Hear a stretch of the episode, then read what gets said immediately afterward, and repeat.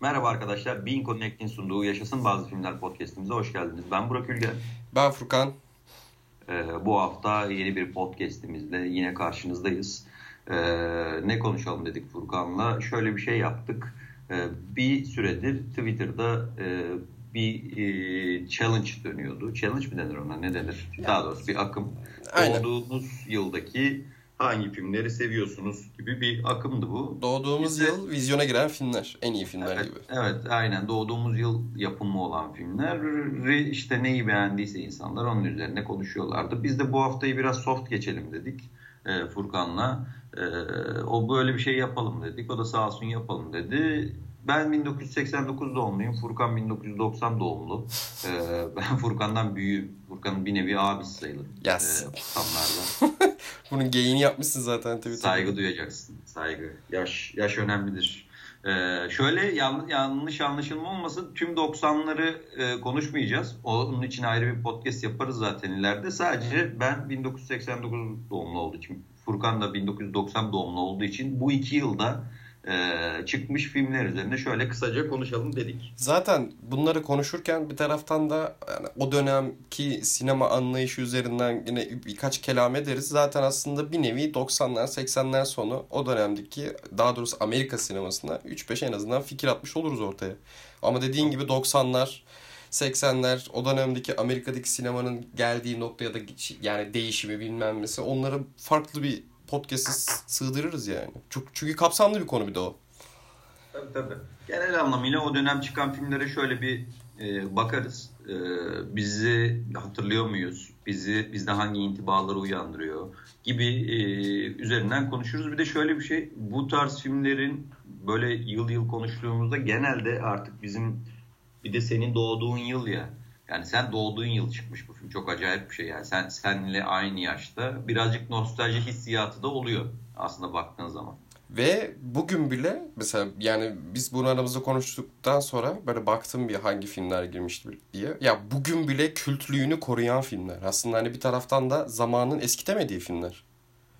Mi? Düşününce. Kıymeti 30 yıl geçtiği için hemen hemen filmlerin üstünden kıymeti anlaşılan anlaşılmış. Beğenilmeyen beğenilmemiş artık. Ya genel konsensüs olarak diyorum tabii ki e, herkesin e, kişisel zevkleri kendisini ilgilendirir. Mesela benim büyük ihtimalle çok sevmediğim bir film bayağı insanlar seviyor gibi durumlar olabilir ama genel böyle insanların üzerinde konsensüs oluşturduğu filmlerin durumları da artık 30 yıl geçtiği için filmlerin üzerinden birazcık oturdu. Şimdi bazen şey oluyor. Atıyorum 2018 çok iyi bir sinema yılıydı mesela. 2018'deki filmleri övdük övdük ama o bundan 20 yıl sonra 30 yıl sonra o 2018 yapım filmler hangi duruma gelecek, hangi konuma gelecek, zamanın ruhuyla e, nasıl bir uyum sağlayacak gibi durumları tabii o zaman değerlendirildi onlar. Bu filmlerin üzerinden artık dediğim gibi yaklaşık 30 yıl geçtiği için çok böyle zaten de- deli gibi inceleyeceğimiz bir film yok arada. Genelde dediğim gibi bu filmler bizde hangi hissiyatı e, hatırlatıyor ya da ne zaman izledik hatırladığımız kadarıyla gibi bir şey yapabiliriz aslında. Aynen öyle. Ama başlamadan önce şey de söylemek istiyorum. Sen söyleyince hatırladım bu arada. Hani abi şimdi filmlere şöyle bir göz attıktan sonra şey diyorum. Senin dediğin gibi ya bundan 3 sene önce çıkmış. Böyle hype yaratmış. Hepimizin konuşmuş olduğu bilmem ne. Yani benim o dönemlerden yani bundan 3 sene 4 sene önceki e, görece en iyi film dediğimiz ve çok konuştuğumuz filmleri. Bugün dönüp tekrardan Bak mesela tekrardan çoğuna bakmadığımı düş- fark ettim abi. Hani ikinci, üçüncü kez izlediğimiz. Ama bizim birazdan konuşacağımız filmleri böyle biraz bakınca abi tekrar tekrar izleyip de bıkmadığımız filmler. Ya bu bir filmin iyi olup olmadığı ile ilgili bir ölçüt değil belki ama Değil, ilginç bir faktör ama yani. Onunla alakalı değil. Bence şununla alakalı biraz. Ee, abi 30 yıllık filmlerden bahsediyoruz. Ya bir şekilde tamam çocukluğundan beri film izliyorsun e, televizyonda. E, a- bu bence televizyonla alakalı bir durum. Çünkü bu filmlerin çoğu bizim çocukluğumuzdan itibaren böyle 6-7 yaşımızdan itibaren e, açık kanallarda bir şekilde atıyorum e, yayınlandı. Mesela işte 89 yılında Bak Şu Konuşana diye bir film var. Küçük Hmm. Bebek e, komedisi. Ya ben o filme en az 100 kere falan denk gelmişimdir tüm çocukluğum ve e, ergenliğim, gençliğimde. Ee, birazcık bence onunla alakalı. Bak şu konu- geçtiğimiz 30 yılda e, ki teknolojik gelişimi de buna şey yapmamız lazım bence. Bir şey diyeceğim. Bak şu konuşana ile Bebek Firar da aynı filmler değil değil mi? Değil galiba. Değil, Değil. tahmin ediyorum.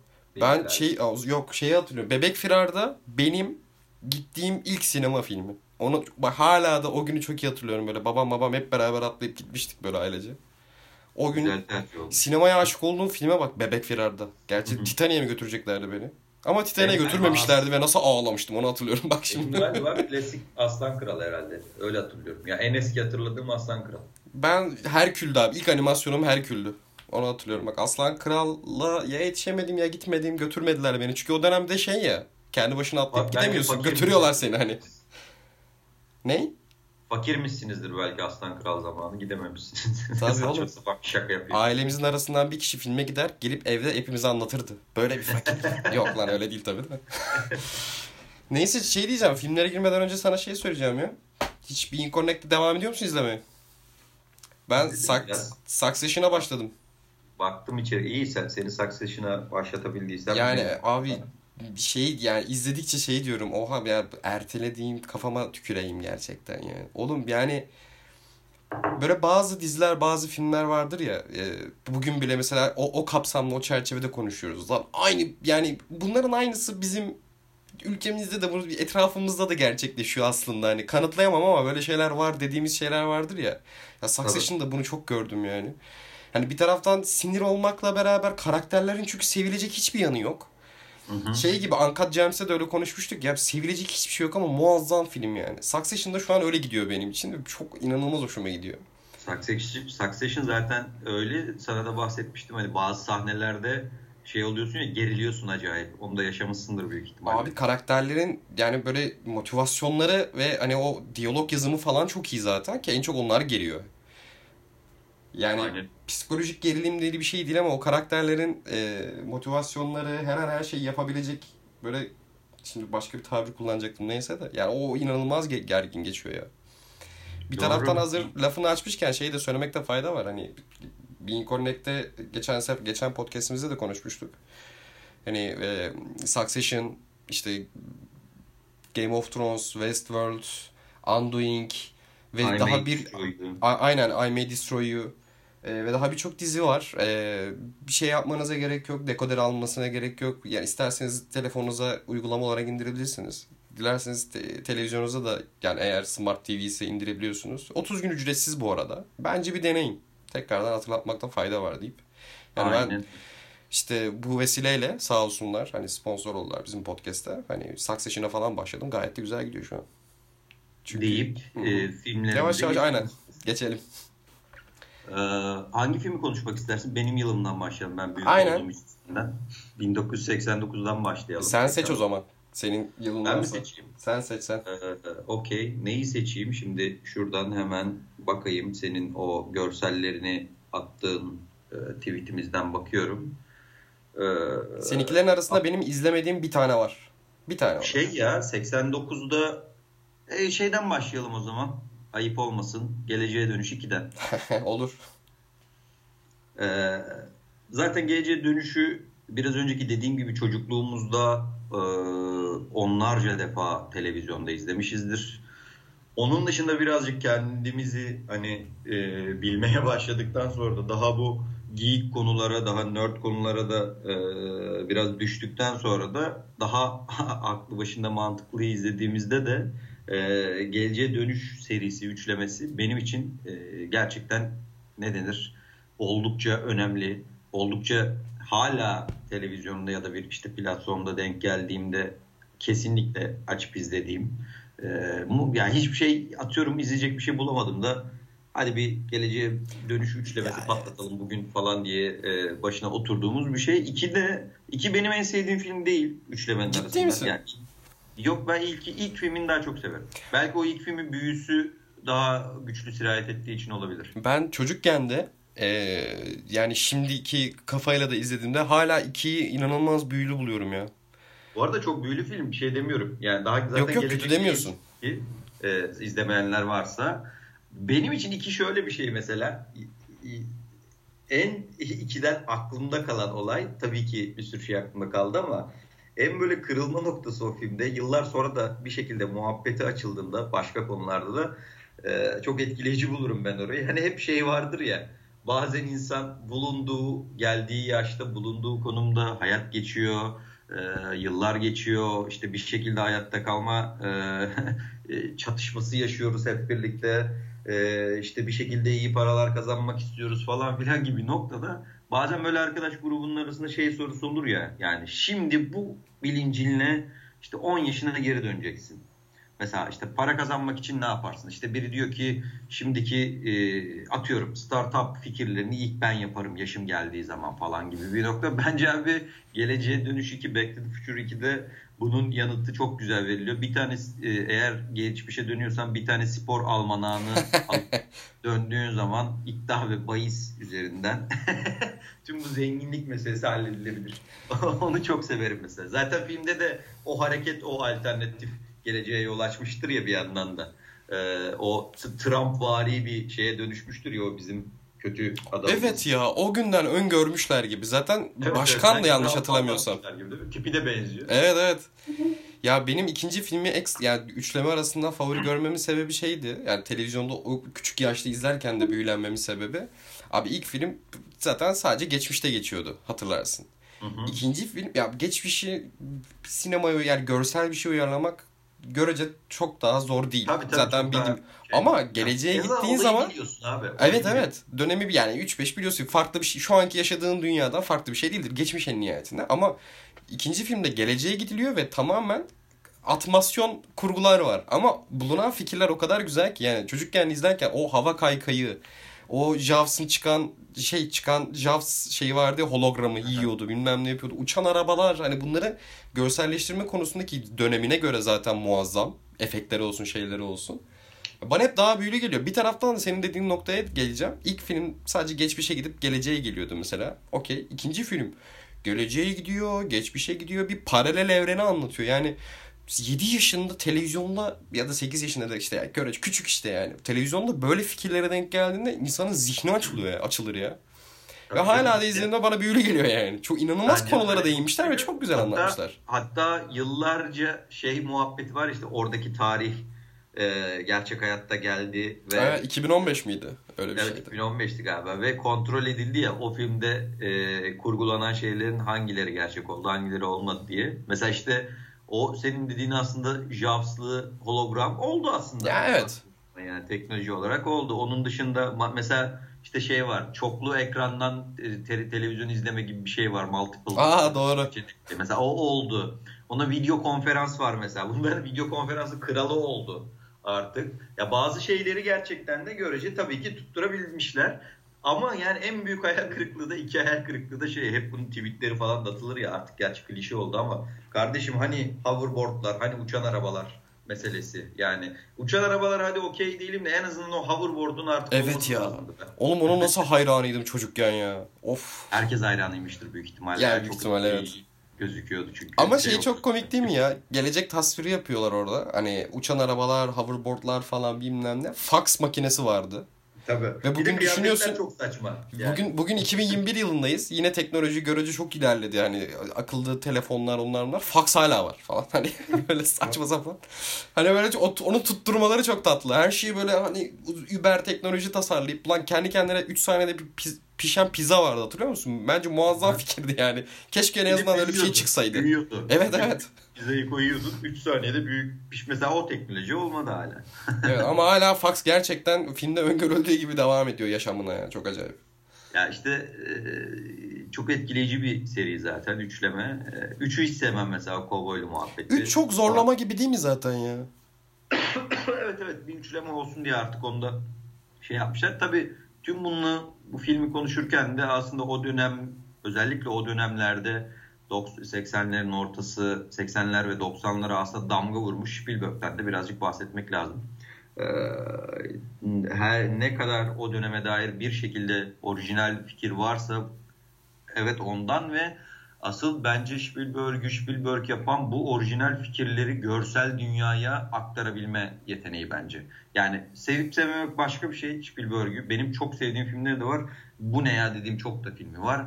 Bir yandan da işte e, o bu kapitalist sistemin ete kemiğe bürünmüş bir hali. Adam direkt evet okey ama gerçekten de özellikle o nostalji tarafında yaptığı filmler işte Jaws'lar, diğer e, filmler işte birazdan Indiana Jones'tan bahsederiz falan. Yani o Spielberg bir dönem o döneme öyle bir damga vurmuş ki e, bir şekilde bir de o, o dönem yaş küçük olanlar direkt şimdi biz biraz daha artı sinemaya meraklıyız. Daha bağımsız sine, filmlere meraklıyız ama o dönem çok ufaksın abi. Böyle filmlerle böyle bu büyü seni içine çekiyor aslında. Yani çoğu insanı sinematik e, sinema evrenine sokan insanlardan biri de Spielberg'tür diyeyim. Yo çok güzel söyledin. Şimdi sen söyleyince düşünüyorum da şey böyle hani Lumière kardeşler ilk kamerayı ve o sinema gösterimini yaptığında insanları nasıl büyülediyse Spielberg 70 yani 70'ler sonunda 2000'li evet. yıllara kadar Amerikalıları öyle büyülemiş. Düşün çünkü filmografisine bakıyorum abi. Jaws yani bir köpek balığı gösterdi. Bir dinozor saldırısını gösterdi. Yani aslında senin aklına hayaline o sırada alamayacağın daha fantastik, görece fantastik olabileceğini düşündüğün şeyleri inanılmaz bir filmlere dönüştürdü ya. Uzaylı getirdi. E.T. yaptı. Herkesi büyüledi yani. Zaten gişede hepsi yani Amerikan endüstrisinin 90'lı yıllarda Steven Spielberg tek başına bence sırtladı. Yani düşün Tabii yaptığı arada... filmlere bakıyorum hakikaten yani çoğu zaten bilim kurgu ama hani abi gerçekten hayal edemeyeceğin şeyleri çok güzel gösteriyordu yani. O Jurassic Back Park bile hala eskimemiş hemen bir ara, kaliteye hemen sahip. Araya gireyim abi. Yok, yok, Unutma bitti. lafını. Back to the Future'da yönetmen değil yapımcı Spielberg, yönetmen Zemeckis onu da belirteyim. Ha, evet evet. Ama yok şey var hani yapmasa bile yani sadece yapımcı rolüyle üstlendiği filmler bile o dönemde aynı kafayı devam ettirdi. Doğru. Yani bir kendi canını kurdu resmen orada yani. Kendi tebaasını kurdu diyeyim ha. Doğru. Ee, diyeyim. Hemen abi müsaade edersen diğer şeye geçeyim. Yine bu sefer Spielberg'in yönettiği okay. e, Indiana Jones e, Son Macera. Indiana Jones and the Last Crusade. İlk filmi değil değil mi bu? Yok yok bu üçüncü filmi. Zaten son... konuşacağımız filmler ben de araya şöyle girdim. Hem 89'da hem 90'da şey çok dikkatimi çekti. Hep klasik filmlerin devam filmleri denk gelmiş bu yıllara. Evet evet. Birazcık böyle artık üçlemelerin e, üçüncü filmleri ya da de, dediğin gibi e, sevilen filmlerin takip filmlerine denk gelmiş tam o yıllar. E, onu da bilmiyorum detaylı araştırırsak da şey çıkar. Belki de o yükselişe geçmesi sinemanın tam artık 80'lerin ortasında bir ivme kazanıyor artık sinema. E, onun devam niteliği olarak o üçlemeler, o devam filmleri de bir şekilde etkili, e, yapılmış ve benim aslında Gece Dönüşü çok severim.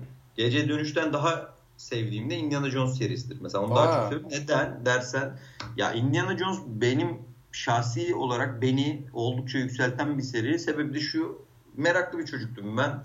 Ee, işte özellikle bu, bu bir önüme bir dünya atlası açıp aa burası neresiymiş işte buranın bayrağı neymiş falan diye işte o dönem Atlas Çocuk dergilerini falan Atlas Çocuk muydu yanlış hatırlıyor olabilirim onları falan açıp işte arkeoloji ne demekmiş işte co- coğrafya ne demekmiş coğrafi keşifler neymiş falan diye incelemeyi çok seven bir insan olarak o Indiana Jones'un ee, bir yandan da çok cool bir karakter işte Harrison Ford yani o, o e, kılığıyla, kıyafetiyle, kamçısıyla işte güzel kadınlarla olan ilişkisiyle falan böyle bir yandan da insanın da işte aa diye bir o zamanın bakış açısıyla çok imrendiği bir karakter oluyor. O bu serinin e, bence o Indiana Jones'ların en iyisi e, filmi bu çünkü konusu da ilginç. İşte bu kutsal kase muhabbeti vardır ya hı yıllarca falan işte kitaplar yazılmıştır Da Vinci'nin şifresi falan filan bilmem ne.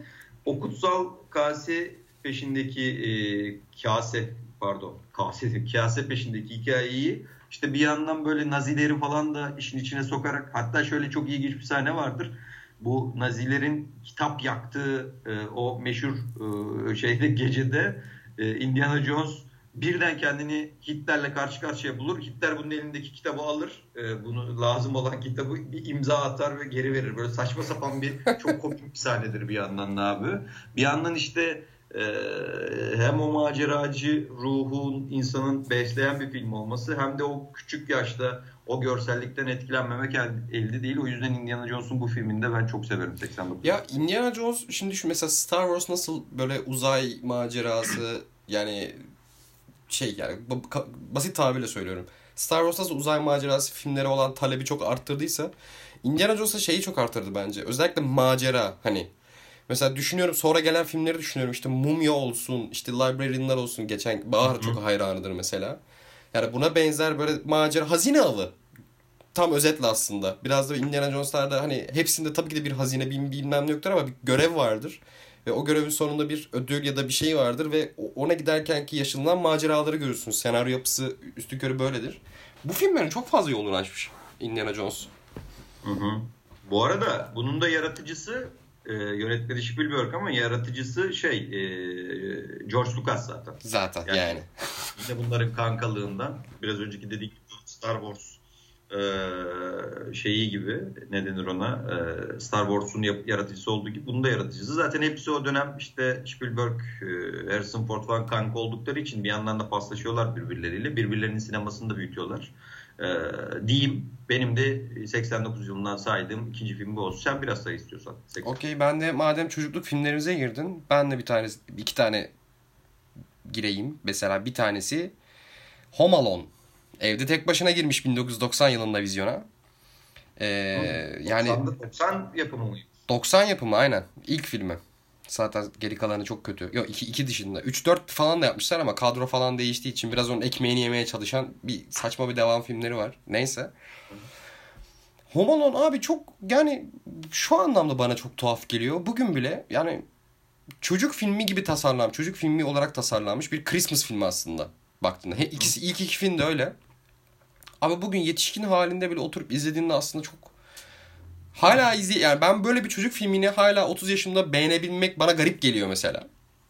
Ama bir taraftan çocukluğumu hatırlayarak değil film hakikaten iyi filmmiş. Onu diyorum. Evet evet kurgusunu falan ben beğenirim bu arada. E, evet ve hani e, bir yerde nerede vardı bilmiyorum da bu filmin yapım sürecindeki yaşanan o kadar böyle zaten şey diyorum abi yani ışıkçısından setteki çaycısına kadar herkesin inandığı filmlerin çıktığı yıllar bunlar aslında. Böyle zorluklarla Evet evet böyle genius fikirlerle çözülen sorunlar bilmem neler falan. Yani Home Alone bir de kadroya bakarsan Joe Pesci falan var ya filmde. yani kötü adam rolünde. Yani şey de e, Macaulay Culkin'de hayatımıza sokan filmdir. Ya düşününce çok tatlı geliyor. Bir çocuğun evde yani senin dediğin e, az önce bahsettiğin Indiana, Indiana Jones'un e, böyle rafine edilmiş hali gibi aslında Home Alone şu anlamda. Yani evde evet. tek başına olan ve yani bir kötü adamlara karşı kendi evini bir kaleye bir e, küçük böyle şeylerle e, tuzaklarla onlarla bunlarla onları alt eden bir çocuğun hikayesi. Yani şeyde bağlamından koparmamak lazım mesela. 90'lı yıllar, 89 yılı hatta yine bununla ilgili bir belgesel vardı bir platformda. Ee, oyun sektörünün, insanların Amerikalıların abi Atari salonlarına falan zaten hurra ettiği bir dönem. Yani bu macera, işte kaç kaç işte kaçış, hazine avı, işte tuzak kurma gibi bu tarz dinamikler zaten insanların o dönemde özellikle oyun sektörünün hani o dönemki gelişmesiyle beraber zaten hali hazırda bünyesinde olan bir şeydi.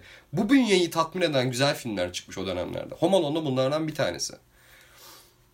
Doğru. Ama ben ikinci filmi daha mı çok severim diye düşünüyorum. Daha çok severim. Çünkü hikaye ya genelde şey vardır ya bir ilk film daha görece e, nasıl diyeyim daha düşük bütçeden dolayı daha kısıtlı bir yerde mekanlarda geçer. İkinci film zaten bakarsan sokaklar, New York sokakları, oteller ki Trump oynar hatta bir rolünde falan. Trump var tabii canım meşhur. Homoları son zamanlarda şöyle çok güzel andık. Anıldı. Ona çok güldüm. Hangi e, gazete bilmiyorum da Trump'tan bahsederken Trump'ı başkan olarak değil de ya da es- eski başkan olarak değil de Home Alone 2'de oynayan oyuncu Trump diye atıyor abi manşeti. O baya güzel bir olay olmuştu ya. Güzelmiş. Ve aslında son dönemde de böyle bir adı geçti bir yerlerde. İkincisi, ikinci film ki 90'lara denk gelmesini çok hatta bu film podcast'te konuşmak yani denk gelmesini çok hoşuma gitti. Yeraltı canavar abi. abi o zaten Tremors. Tabii canım ya benim için de efsanedir. Ya bunun bin tane devamını yapıldı böyle ama ilki efsanedir. E, tabii tabii ilki canım diğerlerini saymıyorum ben. Ya ben bu şey diyeceğim abi bu, bu film için. Bu arada aynı IMDb notu falan da gayet iyi. Hala 7.1 falan duruyor yani. Yine eskimeyen filmlerden. Ben inanılmaz korkarak izliyordum çocukken. Sonra yine böyle ya yetişkin dönemine de bir kere daha böyle açıp izledim tamam mı? Şunu hala düşünüyorum. Belki bugün tekrar izlersem başka bir, bir şey düşünürüm ama hani özellikle Amerikan filmlerinden çok fazla çıkan bu şehre saldıran yaratık temalı filmler var ya işte yakın zamanda hatta Godzilla King Kong izledin mi fragmanı bilmiyorum da. Çok kötü lan hani.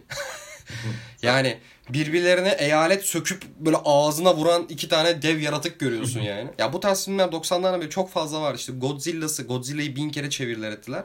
Ya bu tarz yaratıkta yaratık saldırısı ya da yaratıktan kaçış temalı filmler arasında bence bu çok farklı yani ve bence en iyilerinden bir tanesi bu olabilir ya.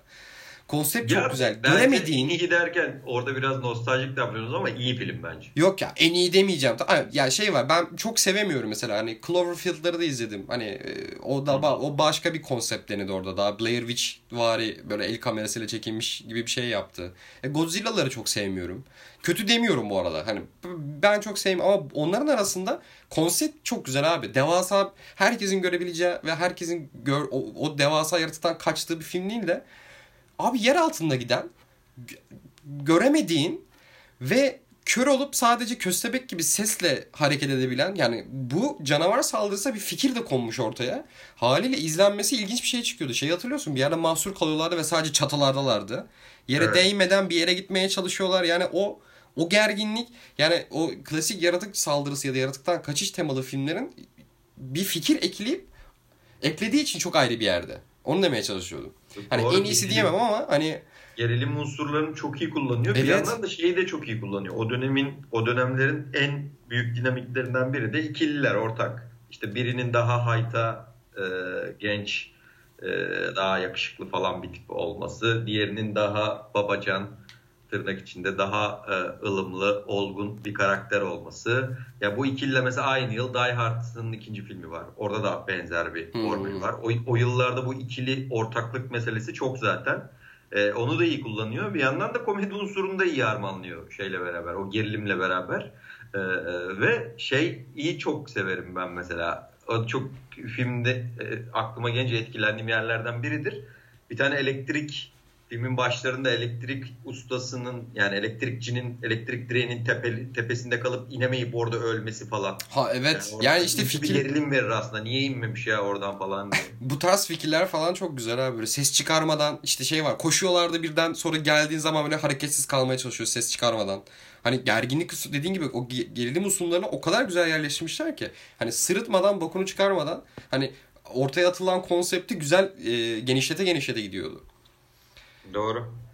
Ee, Okey. Ben de çok severim. Ee, o 90 yapımıydı. Ben o zaman tamam sen 90'lardan girersin. Ben 89'lardan girerim. Öyle yaparız. Ben o zaman 89'lardan e, Seç artık... oğlum 90'lardan da seç konuşuruz hiç fark etmez. Tamam seç. Şimdi 89 seçesim geldi. Tamam, Tam önüme çünkü e, artık bir klişeye dönüşmüş olan, klişenin de klişesi haline gelmiş olan. Ama düşününce şöyle bakınca Gerçi bayağı oldu izleyeli ama ön karşıma çıksa bir daha büyük ihtimalle izlerim. Hangi bir, film lan? Lan neymiş diye. Şey Ölü Ozanlar Derneği. Dead Poets Society. Yani şöyle bence ilginç bir film. Bu film yüzünden e, şu an e, hem dünyada hem Türkiye'de milyonlarca insan Carpe Diem dövmesiyle geziyor olabilir mesela. Bu film de çok etkili Ya Fight Club etkisi yarattı dönemine göre. Tabii tabii. Yani çünkü neden işte e, tırnak içinde e, çok e, ortodoks tavırları olan bir okulun çok e, koyu tutucu bir okulda yatılı bir erkek okulunda e, bir şekilde gençlerin bu e, sisteme itiraz etmeye çalışması ama aslında bir yandan da, da, da bu sistemden bir türlü çıkamamaları, en son sadece bir işte şekilli bir hareket yapabilmeleri, o, o My Captain diye sıranın üstüne çıkma muhabbeti falan. Bir de şeyi bence çok etkiledi. Bu filmi izleyip böyle e, bu Robin Williams'ın karakteri gibi e, olmak isteyen bir sürü edebiyat hocası türedi bence dünyada. Abi şöyle diyeyim bu, bugün müydü ya? Kafa bugün, hoca ya denen. Bugün, bugün ya da dün e, böyle arkada dönsün diye community açıyorum abi. Community'nin 3. ya da 4. bölümünde. Oo, direkt, direkt bununla dalga geçen bir bölüme denk geldim. Oradaki hoca aynen senin bahsettiğin hoca gibi. Böyle hani kantine gidiyor anı yaşa anı yaşa kantine gidiyor. ne istersin kantinde kahve veriyorlar sadece. Durup durup bir doğum günü pastası istiyorum falan gibi böyle absürt o kadar güzel dalga geçiyor ki. durup dururken değil mi? Evet durup dururken ağaca tırmanıyor böyle yaşamı seviyorum. bak mesela şey çok komik ama yani 30 yıl önce çekilmiş ya bu film abi. 31 yıl önce hatta 32 yıl ya ben 32 yaşına gelmişim yok. Neyse. Ee, şeyde o dönem baktığın zaman eminim ki ben filmi izleyen herkes deli gibi etkilenmiştir. Yani Abi evet. Yani. Çok, çok eminim bundan. Çünkü yıllar sonra e, etkile bundan hala etkilenen insan bile olur ama şu an öyle bir e, şeye geldi ki bir yandan da çok kült bir film olduğu için doğal olarak çok büyük mimlere, çok işte biraz önce Community'deki bahsettiğin gibi yüzlerce yapımın kendisiyle dalga geçmesi falan ve zamanın ruhunun da değişmesi abi. Ne olursa olsun evet bunlar insanda güzel hisler uyandırıyor. İşte anı yaşamak falan filan ama yani hepimiz yaşlandıkça şunu fark ediyoruz ki o anın yaşama tatavası gerçekten belli bir yaştan sonra bitiyor. Hayat öyle bir şey değil. Ya Aslında evet ama bir de yetişkinken izleyip de etkilenebileceğim bir film değil artık ben. Ya, değil, değil. Olmuyor şundan dolayı hani ben de ilk izlediğimde yaşım kaçtı şu an hatırlamıyorum ama yine 20'nin aşağısındaydım. E, çünkü filmin içinde bir de tam böyle Amerikan gençliğini sevebileceği unsurlar var ya. Aile baskısını görüyorsun. Orada bir dini işte protestan okul demiştin değil mi? Yanlış hatırlamıyorsam. Ortada, Ortodoks. Ortodoks. Orada işte erkek lisesindesin. Zaten hani bir cinsellik zaten sıfır. Yani o öyle bir yani baskılar altında bu baskıları entelektüel biçimde isyan etme tavrı vardı. Yani birisi tiyatro yapmak istiyordu, babası başka bir şey olsun istiyor. Hani biraz böyle evet. o çocukların aile baskısını aşmasını anlatıyor ya bir taraftan da sanatla, edebiyatla, bilmem neyle. Hani e, 30 yaşında zaten üstünde artık böyle bir baskı olmadı. Baskı senin üzerinde şu an sadece elektrik faturası ve e, vergiler Aynen. olduktan sonra bu çok fazla bir şey, çok romantize bir isyan gibi geliyor. Abi tabii Bugün. çok romantizeceğim. Şimdi mesela şimdi bir daha izlesem izlerim filmi. Yani başından kalkmam ama büyük ihtimal şu, şu tavırla izlerim. İşte e, Robin Williams'ın karakteri birden şiir okumaya başlayınca çocuklara gazlarken falan şey derim bak bak bak Denyo'ya bak diye izlerim yani hareketlere Ya evet bak. bana diyecek ki anı yaşa diyecek anı bu faturaları kim ödeyecek o zaman diyeceğim mesela anladın mı? Hani bizim şu anki artık günümüz dertleri farklı. Yani biraz konu ve toplum açısından değiştiğimiz için eskimiş bir film aslında bence. Ama bu arada taş gibi filmdir izlemeyen varsa izleyin. Ya doğru tabii. Bu arada en iyi senaryo ödülü falan Biz böyle bokladık ama en iyi senaryo ödülü var filmin. Ee, abi o zaman bir tane de ben 90'dan seçeyim. Ayıpsın seç bakıyorum. seç. Ee, aa şeyi severim bak. E, Kurtlarla Dans. Ha. Dance, Dance with Wolves. Ke- Kevin Costner'dı değil mi? Kevin Costner'ın e, Kevin Costner olduğu yıllar. Evet Kevin, gerçekten öyle. Kevin Costner'ın Kevin e, Costner olduğu yıllar yönetmenliğini de o yapıyor. Başrolünde de o oynuyor. Amerikan Savaşı'nda işte e, bir hikaye anlatıyor. 1865'te galiba Batı'da işte terk edilmiş bir e, karakola atanmak istediğinde hemen yerine getirilen o bu herifin işte e, oradaki yaşadıkları Dum Dumbar mıydı adı galiba öyle bir şey. Dum, Dum, unuttum abi. E, ama bunda da şey ilk yönetmenlik denemesi Kevin Costner'ın. O dönem abi baya baya şey yapıldı ne denir ona baya baya ses getiriyor. Hatta e, 7 tane Oscar kazanıyor galiba. En iyi film Aynen. içinde 12 dalda aday olup. Aslında Avat geçen biri konuşuyordu. Kim e, bir yerde denk geldim. Nerede hatırlamıyorum unuttum gerçekten ama Avatar falan konuşulurken böyle hani kurtlarla dans Avatar'ın daha iyi yapılmışı zaten değil mi dedi. Ben katılıyorum ya mesela. Hani, Doğru düşününce öyle ya. Şey hani... aynı mantıkta film aslında yani ve iyi daha iyi yapılmışı, daha iyi çekilmiş aslında. Bir de Kevin Costner iki Oscar'ı birden kaldırmış. En iyi yönetmen ve en iyi filmle. Bir de en iyi ya, en iyi yardımcı en, pardon en iyi başrol olarak da aday olmuş. Hani utanmasa 3 Oscar birden kaldıracakmış tek filmde yani. Ağlamamış ama tabii onları. Evet. Bir de onu söyleyeyim dedim. Tamam sen söyle o zaman iki tane daha. Ben iki tane ben mi söyleyeyim? Ben o zaman şöyle e, en sevdiğim bilim kurgu filmlerinden bir tanesidir. Ve bence şu an günümüzde en azından o dönemdeki etkisini azaltmış bir yönetmenin filmi. 90'dan mı söylüyorsun? Evet. Total, Total Recall. Total Recall değil mi? Recall ben tahmin ettim. Evet. Abi Total Recall'u bu arada yakın zaman yani yakın zaman dedim. Ama 2 galiba. Ha yok. Lan Total Recall 2 yok ki. 2 dediğin bir şeyle. Ha pardon 2 Colin... nereden? Şey sonra devamı çekildi. Pardon, Abi Colin Farrell'la beraber bir remake yaptılar da bu kadar kötü bir remake olamazdı. Neyse. Tamam orijinali 90 canım pardon özür dilerim. Hani Paolo Verhoeven'ın filmi. Verhoeven da yani artık yani bu bu 90'lar dönemi Robocop'u yapan da bir insan bu arada kendisi. Robocop deyip geçmeyin Robocop, abi. Robocop'un ilk filmi çok iyi. Çok severim ben mesela. Çok çok iyi film. Ben yani çok geç izledim o filmi ama hani Robocop çünkü o dön- bizim dönemimizde çizgi filmleri falan da var hatırlarsın abi. Ya çok sevdiğim bir kahraman, çok, çok sevdiğim bir karakter değildi. Abi ama sonra ben çok sonradan filmi izledim. E, Paul Verhoeven da elindeki projeyi yükseltebilen ki Totoriko'la konuşurken şimdi de söyleyeceğim onunla. Yani öyle bir adam, öyle bir yönetmen. Robocop lan nasıl bir film çıkarmış Robocop hikayesinden yani. Yani bayağı çatır çutur sistem eleştirisi e, inanılmaz. Zaten o alt metni çok etkiledi. Ben hani Robocop'ta ne anlatabilirsin abi falan diyordum da hani of adam çatır çatır eleştiri şey yapmış koymuş altına alt metini döşemiş yani. Doğru. Neyse Total Recall'da abi şey diyeceğim hani biz nasıl abi zamanında Nolan yoktu bunlar vardı. Böyle özetleyeyim size şu, Doğru. şundan dolayı çünkü Total Recall'un konusu ve kurgusu Inception izledi, izlemişsiniz zaten. İzlediyseniz işte Existence bu dönemin neyin gerçek neyin hayal mi ulan bu rüya mı bu gerçek mi deyip böyle iki gerçeklik arasında gidip gel, gelen filmlerin arasında şeydir, mihenktir, mihenk taşıdır bence Toltoriko. Doğru, anı transferi muhabbeti. Evet, evet kesinlikle hani bir karakter bir neydi? Bir yere bir firmaya gidiyor. işte şey, deneyim yaşatıyorlar sana çip takıp böyle çok Ball Inch diye bir firma. Evet evet ve cyberpunk bir dünyası var aslında. Sana çip takıyorlar. Orada bir şey görüyorsun. Bir başka bir karaktere dönüşüyorsun. Bir hayal görüyorsun ama bir yerden sonra da ha, hikaye de şöyle başlıyor. Bir an makine arızalandı deyip Hatta bu dışarı çıkıyor ama sen film boyunca şey düşünüyorsun lan aslında yani şu an o hayali mi yaşıyor? Yoksa hakikaten arızalandı mı? Ve film şu gerilimi bunun gerçek ya da yalan oldu yani bir plot twist yapmıyor filmin sonunda. Aa meğer yalanmış demiyor. Filmin başından sonuna kadar bu ikilemi çok iyi kuruyor. Sen zaten orada geriliyorsun. Hakikaten gerçek mi? Sahte mi? Nedir ne değildir? Ve abi Arnold Schwarzenegger gibi bir hani yanlış anlamayın ama Hödük'ten çünkü oyuncu değil adam o dönemde yani çok iyi bir oyunculuk sergilediği bir kariyeri değil de kariyerin o, o yerlerinde değil. Gerçi bugün de tartışabiliriz o evreye geldiğim için oyunculuk anlamında. Abi yani Arnold Schwarzenegger'den bile hayvan gibi bir oyunculuk almış ya.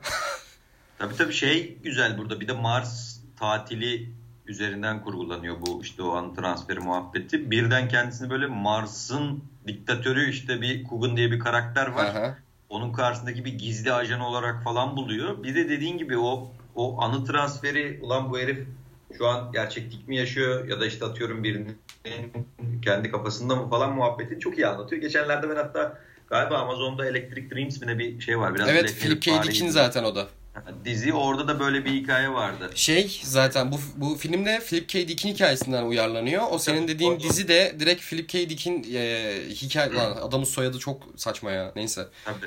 Philip K. Dick'in hikayelerini e, uyarladığı bir dizi aslında. Büyük ihtimalle aynı konuyu görmüşsündür. Evet evet aynı konu zaten. Zaten direkt oradan ben de tam onu diyecektim.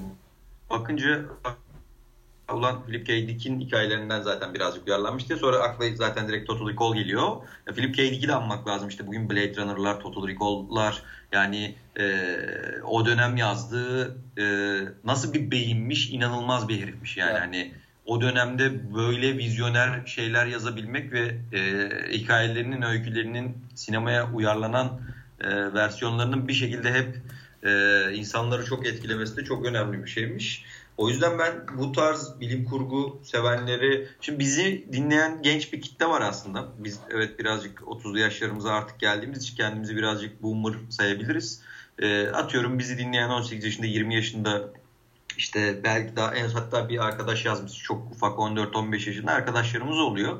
E, onlar bazen böyle eski filmlere çok yükselemeyebiliyor. Ee, mesela Total Recall'u mesela biraz öncekileri saydıklarımızı çok fazla tabii ki geleceğe dönüşü falan ayrı tutuyorum. Onları tavsiye ederiz de mesela Home Alone'u okey bizim için önemli ama şimdi birine bir daha izle demem ben mesela işte. Ha, öneremem yani. Abi yani çok güzel film izle falan diyemem artık. Yani. Yok ya da öyle Ozanlar Derneği'ni falan ama Total Recall bunların arasında e, çok gönül rahatlığıyla özellikle izlemeyen genç kardeşlerimiz varsa bir bakınca ulan aslında ne güzel bir filmmiş. O dönemde de böyle orijinal fikirler varmış. Sinemanın bu tarafı sadece Nolan'dan ibaret değilmiş gibi bir hissiyatı e, yaşayabilirler. Tavsiye ederim bu filmde. Bu arada şeyi fark ettim abi. Hani 89 ve 90 konuşuyoruz şu an. Yani özellikle Hollywood e, cenahında bilim kurgunun bayağı yükseldiği dönem. Zaten Star Wars'ta Tabii. bir yer, yer açılıyor. Sonra Spielberg işin içinde işte E.T.'lerle onlarla bunlar işte Verhoeven'ı Robocop'u biraz daha 85'ler gibi zaten ortaya böyle bilim kurgu tükürüyorlar yani. 89, 89 ve 90'da yine büyük başyapıt bilim kurgular çıkmış ya düşününce. Tabii, Saydıklarımızın tabii. yarısı neredeyse öyleydi yani. Aynen öyle doğru yani. Total Recall dediğimiz bayağı dediğin gibi mihenk taşlarından biridir yani. Evet ben 90'lardan bir bunu söylemek istedim. 89'dan da seçeyim o zaman. Şeyi Seç kesinlikle bakalım. konuşmak istiyorum ya. Bugün daha yenisini beklediğimiz bir franchise'ın ilk filmi aslında. Batman. bir şey söyleyeyim mi? Ben hani şeyde Christopher Nolan podcast'imizde şeyi konuşmuştuk yani çok iyi. Hatta galiba buna da değinmiştik. Yani yapılmış en iyi Batman uyarlamalarından birini yaptı Christopher Nolan falan diye. Hani bu belki doğru olabilir, belki tartışabilir. İnsanların görüşüne göre değişir bu ama ya şeyi de gerçekten yaban atmamak gerekiyor. Tim Burton Batman 1 ve Batman 2 ile ilk filmleriyle yani Batman serisinin. Abi esas çizgi romanda anlatılmak istenen duygu, o tasarlanan Gotham, abi tasarımsal olarak her şeyle birebir çok güzel bir film yapmış diyorum ya. Hem Batman 1'de hem de 2'de. 2, 2 zaten daha çok sevdiğim bir film. Bu kedi kadın Michelle Pfeiffer'la beraber e, şeyin Danny DeVito'nun Penguin olduğu. Hı.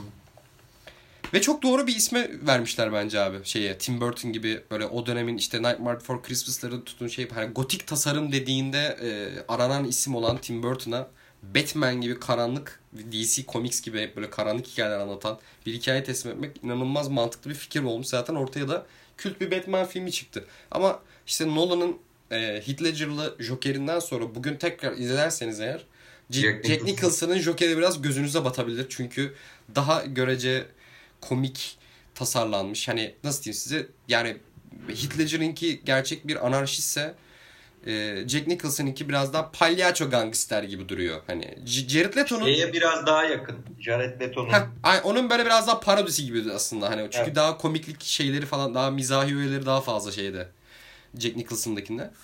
Ama abi taş gibi de bir Batman filmi bence. Özellikle bu Bence- franchise'ı başlatan çok iyi bir film. Ben severim. Ee, dediğin gibi Batman e, özellikle çok büyük ya belki de işte hep bunu kendi aramızda konuşuyoruz ya. e, Evet e, süper kahraman filmleri yükselişte son 10 yıldır falan filan bilmem ne ama mesela atıyorum benim babam bir tane bile televizyonda denk gelmediyse süper kahraman filmi izlememiştir. Ama babama desen ki ya 3 tane süper kahraman say diye ilk sayacağı bu üçlüden iki isim Superman ve Batman olur başta.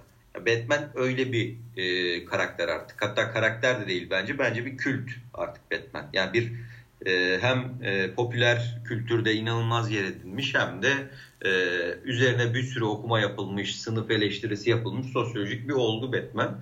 Dolayısıyla Batman Batman'in sürekli bir projesi gelecek belli ki yani. Hani işte şimdi Robert Pattinson'lı geldi. Bundan önce işte Justice League versiyonu vardı. İşte e, ondan önce işte Nolan'ın üçlemesi vardı. Nolan'ın üçlemesi görece daha gerçekçiliğe dayandığı için ve işte o dönem Nolan da aslında e, şimdiki gibi bence inanılmaz götü başı oynamadığı için e, iyi filmler yapmıştı. Dolayısıyla şeyin Tim Burton'ın Batman'i aslında unutuluyor. Özellikle bir yine şeyden bahsedeceğim. Yeni jenerasyon gençler arasında işte Batman deyince direkt Nolan ya da bu yeni gelecek e, Robert Pattinson'lı Joker deyince de e, evet doğal olarak e, Heath Ledger'ınki e, kendisi de zaten çok trajik hikayesinden dolayı hem de çok iyi oyunculuğundan dolayı artık bir efsane oldu. O da artık bir marka oldu. Üzerine bir de geçtiğimiz yıl Geçtiğimiz yılda değil mi ya Joker ya da bir önceki yıl mı? 2018 diyebiliyorum ben. Hatırladım Neyse işte Ha, ha. 2010 2019 ya da 2020 işte şey Joker e, de e, aha, abinin adını unuttum bugün yorgunluktan. Şey mi diyorsun? Joaquin Phoenix mi diyorsun? Ha evet evet. O Joaquin Phoenix'in o de bambaşka bir noktaya çıkarmasıyla e, hem Joker hem Batman kavramı çok e, artık son dönemdeki yapımlar üzerinden konuşuluyor ama eğer böyle Tim Burton'ın Batman'ine bir bakma fırsatınız olursa bu saydığım filmlerin yanında birazcık sönük kalabiliyor ama bence bir çizgi romanı çizgi roman kafasıyla uyarlama tadında çok tatlı ve başarılı bir iş. Bir de Yani şu- daha çizgi roman vari öyle söyleyeyim. Bir de şöyle bir risk var aslında. E, saydığımız filmlerin arasında yani aile filmi çok fazla yapılıyor. Hani işte sinemaya çekmek bir de o zamanlar DVD kültürü vardı. Hani evde satılsın edilsinler. Biraz daha işin böyle satış tarafında bir PR tarafında düşünerek bak- baktım bu çok bu, bu filmlere genelde. Abi Batman'in şöyle bir güzel bir risk alıp yapılmış hali var. Aile filmi çıkarabilirsin. Yani bugün Avengers'ların çıktığı gibi daha küçük kitlelere bilmemlere hitap yerine Batman sonuna kadar dark tıpkı çizgi romandaki haliyle korunmuş bir şekilde uyarlanıyor aslında Tim Burton'un elinde. Yani Doğru. şey diyordum birçok aile filminin yapıldığı bir yıl 1990 89'da da var. Hani Batman'i de buna çevirebilecekken e, hali o karanlık o dark o gotik halini koruyup Tim Burton'a bir de teslim etmeleri iyi bir risk bence. Ortaya da çok da güzel bir iş çıkmış.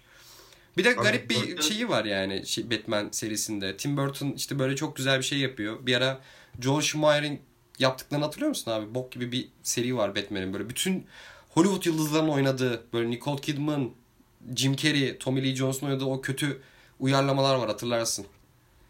Hı hı. Franchise killer yani. Hani bir kötü geldi sonra Christopher Nolan düzeltti sonra Zack Snyder yine içine etti. Bakalım şimdiki e, Robert Pattinson'da Batman nasıl olacak? Ben iyi olacak kanaatindeyim hala ama 2022'ye kadar nasıl bekleyeceğiz bilmiyorum. Tabii bakalım. O zaman ben Öyle. 90'lardan bir tane söyleyeyim. Ee, bu, da, bu da zaten e, çok kült bir film. Üzerine uzun uzadıya konuşmaya gerek yok ama 90 yapımı olduğu için bahsetmemiz lazım. Goodfellas. Yes. Ee, zaten sorularda da vardı hani bir mafya filmi olarak nereye oturtuyorsun diye. Bana kalırsa gelmiş geçmiş en iyi mafya filmlerinden biri. Zaten Scorsese'nin filmi.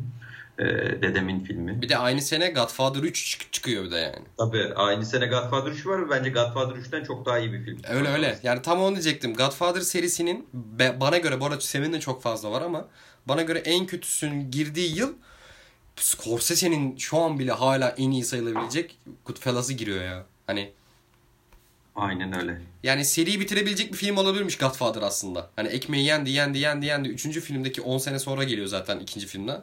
Hı hı. Yani o seriyi bitirebilecekken Goodfellas tekrar ateşliyor yani bu suç unsuru ya suç filmlerinden en azından. Mafya.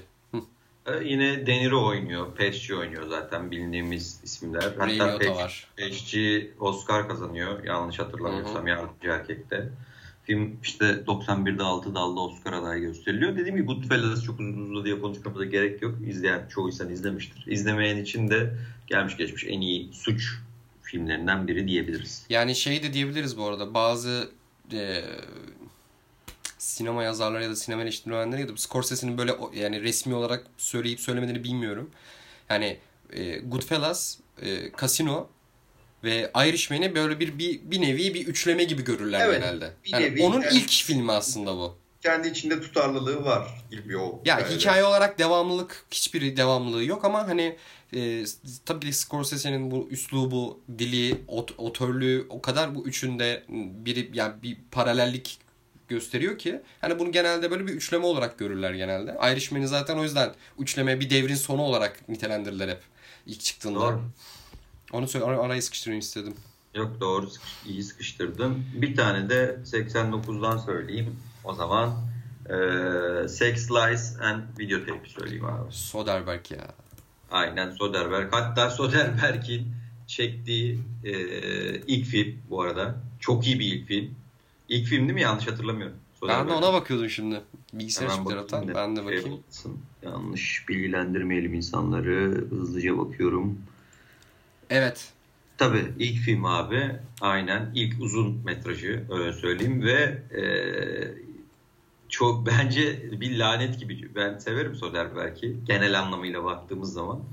E, ama böyle bir ilk filmin üzerine e, daha sonra bir türlü bana kalırsa evet iyi filmler yaptı ama bu seviyeyi e, yakalayamadı. Hatta yani Cannes'da ödül e, kazandı bu film öyle söyleyeyim yani. Palme d'Or'u aldı e, Ayrıca Fipreski'yi de aldı. İlk filmiyle Cannes'da ödül aldıktan sonra sonrasında iyi filmler yaptı, yapmadı değil ama e, bunun üzerine aslında çok da koyamadı gibi geliyor bana bilmiyorum sen ne düşünüyorsun? Ben aksini düşünüyorum. Şu anlamda benim Soderbergh'i ekstra sevmemin sebebi şu. Mesela bir tane filmini izledim Soderbergh'in. Hep herkese anlatıyor. Hatta bir, çoğu kez tweet de attım. Şizopolis diye bir filmi vardı. Hı hı. Abi film böyle event. Yani bir film değil yani. O bir deneyim böyle. Ek- ek- ekstrem bir şeydi izlediğimde. Yani kendi adı bile geçmiyor bu arada. Hani şu IMDb'de bile uncredited olarak gözüküyor Şizopolis. Ya böyle e, bu sonra Soderbergh'in diğer filmlerini izlediğimde şey görüyorum ya Soderbergh'in o kadar garip bir yelpazesi var ki ana akıma da film yapıyor. Mesela Ocean's Eleven yaptı, bir franchise yarattı. Doğru. Böyle bakıyorsun deneysel kafalar, Şizopolis bir deneysel bir kafa aslında. Yani bir bir şeyler deniyor adam. Gitti işte ben çok sevmiştim festivali izle, izlediğimde. Tele, telefonla, iPhone'la Unsane gibi bir film çekti yani. Hani böyle sürekli orada hani ana akım yönetmenliğini de yap, yapmakla beraber bağımsız kafasını da koruyor. Hani Doğru. Ya mesela şey çekti mesela ya yıllarca hep böyle 90 Amerika'da e, işte striptiz filmi vardır Demi Moore'un yani. Hep böyle o tarz böyle ateşli kadınların olduğu filmler vardı. Adam gitti o 2012'de Magic Mike'ı çekti ya. Hani aynı hikayenin erkeklerin bu sefer e, cinsel obje olarak ortaya sürüldüğü. Hani hep böyle bir şeyler deneyen bir adam. Ben o anlamda inanılmaz takdir ediyorum Soderbergh'i. Doğru. Bu arada şeyinden de bahset, bahsetmek lazım. Conjection'da artık bu özellikle pandemi dönemi. Ha, evet ya. Adam neredeyse pandeminin bir çıkışını gerçekten kaç yılında 2000 kaç yıl 2011 Şu an önümde 2011. 2011'de aslında yani 10 yıl öncesinden e, bize spoiler'ı vermiş aslında. evet ya. Abi Che filmini yapmış adam ya. Hani tabii, diyorum ya o kadar inanılmaz bir yelpazesi var ki filmografisinde yani. Çok geniş böyle hani ana akımda bağımsız da ben o anlamda çok seviyorum ya kendisini. Ama senin dediğin de doğru bir taraftan. Hani o kan üyeli şeyinden sonra ödülünden sonra çok da böyle o dere o seviyeye çıkabilecek pek bir şey çıkmadı yani. Hı hı. Aa, hemen gözüme şey çarptı. Ondan da bahsedelim abi istiyorsan. Ne o? Do the Right, do, do the right Thing. Spike Lee'nin. Aa, Spike Lee'nin. Ee, ben Spike en sevdiğim filmlerinden bir tanesi. yapan film. Evet. Kesinlikle öyle. Ama işte yani şimdi podcast öncesinde baktığımda şeyi fark ettim abi. Yani Spike Lee bunu yaptı ve sanki bugün bile yaptığı filmlerde hala bunun tekrarını yapmaya çalışıyormuş gibi geliyor. Anlatabildim evet, demek istediğimi. Bu kadar iyisini yapamadı bir daha. Ya bu kadar iyisini yapamadı ama buradaki nasıl diyeyim sana bu çok ya To The Writing o kadar güzel film ki. Yani bir de o hani siyahi savunuculuğunu yaptığı ve hani bunu buram buram hiç göz yani Spike Lee'nin biliyorsunuz hiçbir şey böyle eyvallahı yoktur. Böyle parmağı soka soka yapar genelde. Ki kendi yani beyazları olduğu kadar siyahilerin eleştirdiği yanları çok fazla var. Bunu da böyle kör gözü parmak yap, yap, yapmayı sever. Abi Do the Right Thing okey ama yani bugünümüze kadar gelen ki filmografisine baktığımızda hani yine aynı şeyi hani ben mesela işte son film The Five Plus'ta da konuştuk mesela. Yine yine aynı şeyi yapmaya çalışıyorsun. Abi biraz hani farklı bir şeyler mi katmaya çalışsan? Benim tek derdi ben bu, bu filmi gördüğümde yani podcast öncesi aklıma bu geldi. Doğru doğru. Bence ben şöyle düşünüyorum film bu film o kadar iyi bir film yaptı ki bu filmde e, bu filmden büyük güç aldı ve hala tabii ki artık zaman içinde de kendini konumlandırdığı yer e, aktivistliği bir yandan. E, ya bu e, meselelerin aslında en büyük savunucusu oldu. Evet dediğin gibi biraz tekrara çok düşüyor kendini. E, ama şey belli ki bu misyonda filmler çekmeye devam edecek e, bu kafalarda. Ama benim için en son da Five Blood'ı da konuşmuştuk. Mesela ayrı bir şey yapmıştık e, e, üzerine podcast yapmıştık. Benim için Spike Lee'nin en iyi filmi Kes, deyip Kesinlikle öyle. Şey ama bu misyon bir taraftan da onu yüklendi ama ya yüklenden kastım aslında kendisi devraldı değil mi? Hani kendisi. o dönem bu kadar bütün siyah yani siyahilerin sadece başrol olduğu ve biraz yani konunun gerçekten hiçbir beyazın yaz yani nasıl diyeyim ya Abi Harlem ya da siyahilerin yaşadığı o alt gettoları bir beyaz yazmadan direkt yani onu deneyim etmiş bir gözden yazılan tek film ilk filmlerden bir tanesi diyebilirim. Yani o dönemde hep beyazlar bu konuları ele alıyordu ama ne kadar gerçekçi alıyordu hani. Onu demeye çalışıyordum. Hani biraz da o misyonu Spike Lee kendisi aldı. Verildi de yani. O anlamda çok da değerli film. İlk diyemem Doğru. ama hani bu işte e, gettolara inen, orayı anlatan ve orayı deneyim etmiş birinin ağzına anlatan Spike Lee. Çok değerli bir film. Ama işte gel gelelim ben filmografisinde keşke biraz daha e, bugün daha bir öfkeli olsa istiyorum aslında. Doğru. Tıpkı ilk filmde olduğu gibi de. Neyse. Okey sen söyle bir iki tane o zaman. Bir iki tane ben söyleyeyim. Ee, ben 90'lardan seçeceğim. İzlemişsindir ama hatırlıyor musundur bilmiyorum ama Jacob's Ladder. Çok sevdiğim bir filmdir benim abi. Ya galiba hatırlayamıyorum. İzlediğimi hatırlıyorum da tam anlamıyla filmi hatırlayamıyorum. Sen bahset o yüzden. Ben şöyle bahsedeyim. Hani e, o dönemde yine çok fazla şimdi tarihini hatırlamıyorum da eski dönemde çocukluğumuzda da denk geldiğimiz genelde hep böyle ana metni İncil ya da Tevrat olan yani daha doğrusu dini kendini sırtını yaslayan filmler çok fazla var. İşte Konstantin'inden tut Konstantin yine göreceğiz konuştuğumuz yıllara daha ileriki yıllara 90'ların sonu diyebiliyorum ben. İşte Stigmata, Şeytanın Avukatı Bunlar hep 90'ların sonunda falan yani hep böyle bir e, İncil'i baz alan film, dini filmler yapılıyordu. Yani direkt kendisi de yapılıyordu. İsa'nın son çilesi olsun ki Scorsese de yaptı etti falan. Yani daha doğrusu dini baz alıp kurmaca film yapan. Heh. Jacob Stader bunların da mihenk taşı gibi geliyor bana.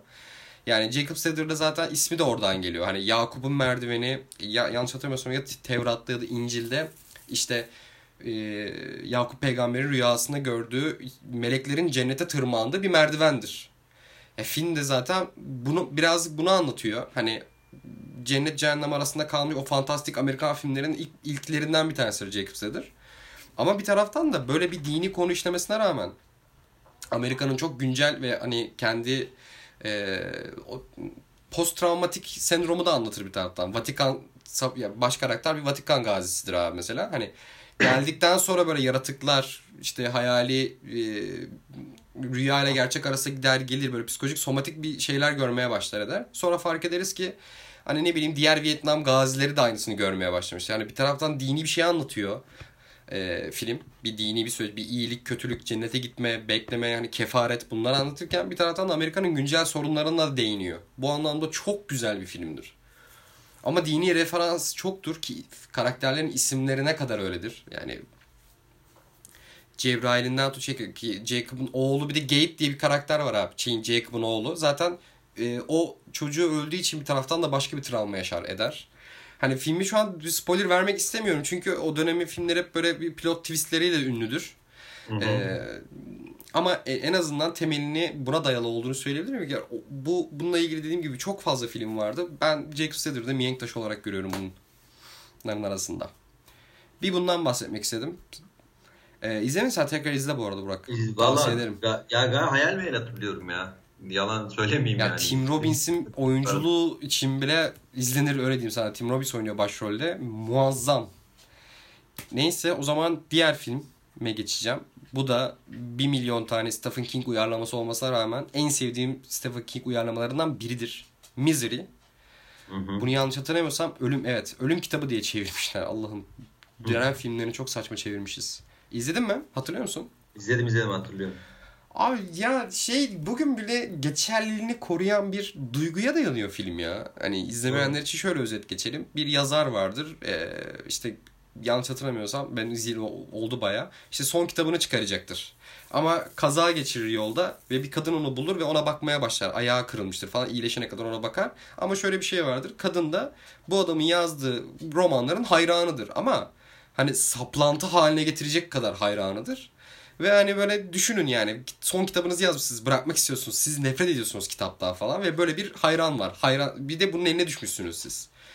Bu gerilim üzerine o kadar güzel bir hikaye anlatıyor ki. James Caan ve şey oynuyordu. Kate Bates miydi? Evet Kate Bates hatta Oscar ödülü almıştı Kate Bates bundan.